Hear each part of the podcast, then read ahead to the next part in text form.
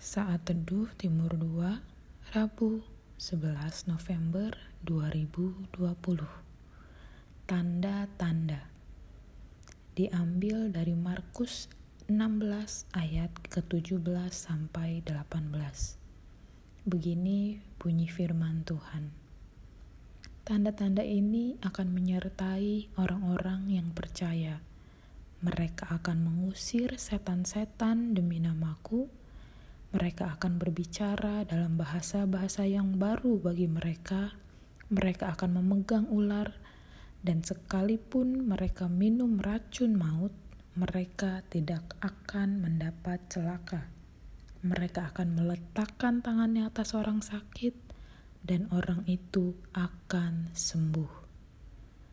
Pernahkah mendengar atau melihat kesaksian para hamba Tuhan? Ketika sedang berdoa untuk orang sakit, maka orang itu sembuh, atau ketika menumpangkan tangan ke atas orang yang sedang kerasukan, maka orang itu menerima kelepasan dan mujizat-mujizat lainnya. Percayakah kita jika kita yang ada di posisi orang-orang tersebut, kuasa Tuhan pun sama nyata dan berkuasanya selama kita percaya dan tidak membuka celah? Ya, kuasa yang sama juga ada di dalam diri kita jika kita adalah orang yang dipenuhi oleh Roh Kudus dan tidak membuka celah.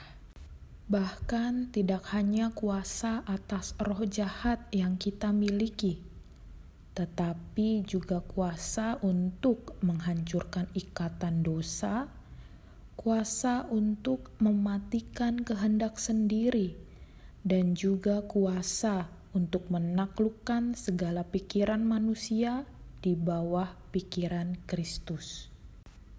Tanamkan dalam hati kita bahwa kita memiliki kuasa yang penuh dari Allah sendiri, sebab bukan kita yang melakukan itu, tetapi kuasa Roh Kuduslah yang melakukannya bagi kita.